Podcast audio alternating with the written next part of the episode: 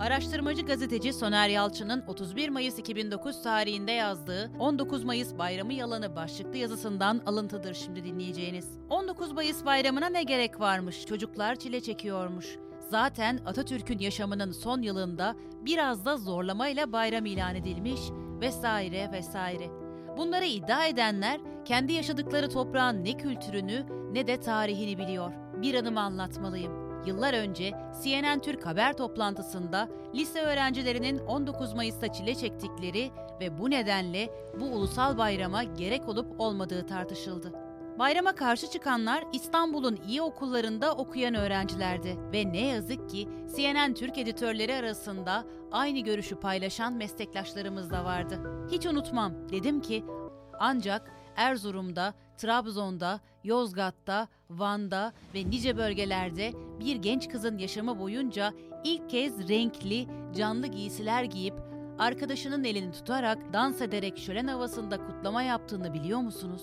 Hayır, hiç böyle düşünmemişlerdi. Onların kafasındaki Türkiye, Nişantaşı, Bebek vesaireydi.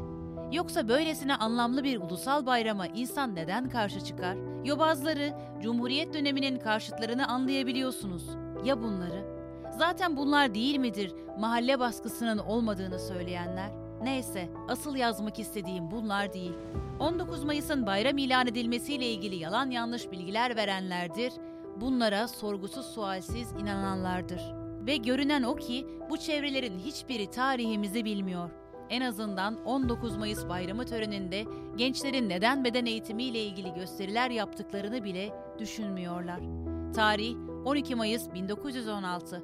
Kadıköy İtaat Spor sahasında Darül Muallimin öğrencileri, öğretmenleri Selim Sırrı Tarcan nezaretinde Osmanlı tarihinde ilk kez toplu halde beden terbiyesi gösterisi yaptı. Jimnastik şenlikleri adı verilen bu tören öğrencilerin yürüyüşüyle başladı. En önde bayrağı taşıyan öğrenci Ruşen Eşref Ünaydın'dı. Gösterilere katılan öğrenciler arasında Münir Hayri Egeli, Hıfsı Rahman Raşit Öymen, Nizamettin Kırşan, Aziz Berker, İsmail Hakkı Tonguç, Hayri Ardıç, Hamit Koşay gibi ileriki yılların ünlü isimleri vardı.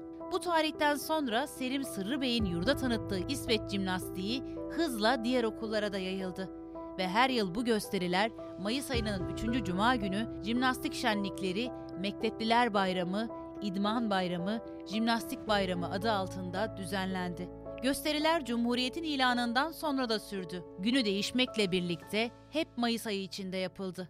1936 yılında İdman Bayramı şenlikleri ilk kez 19 Mayıs gününe denk geldi.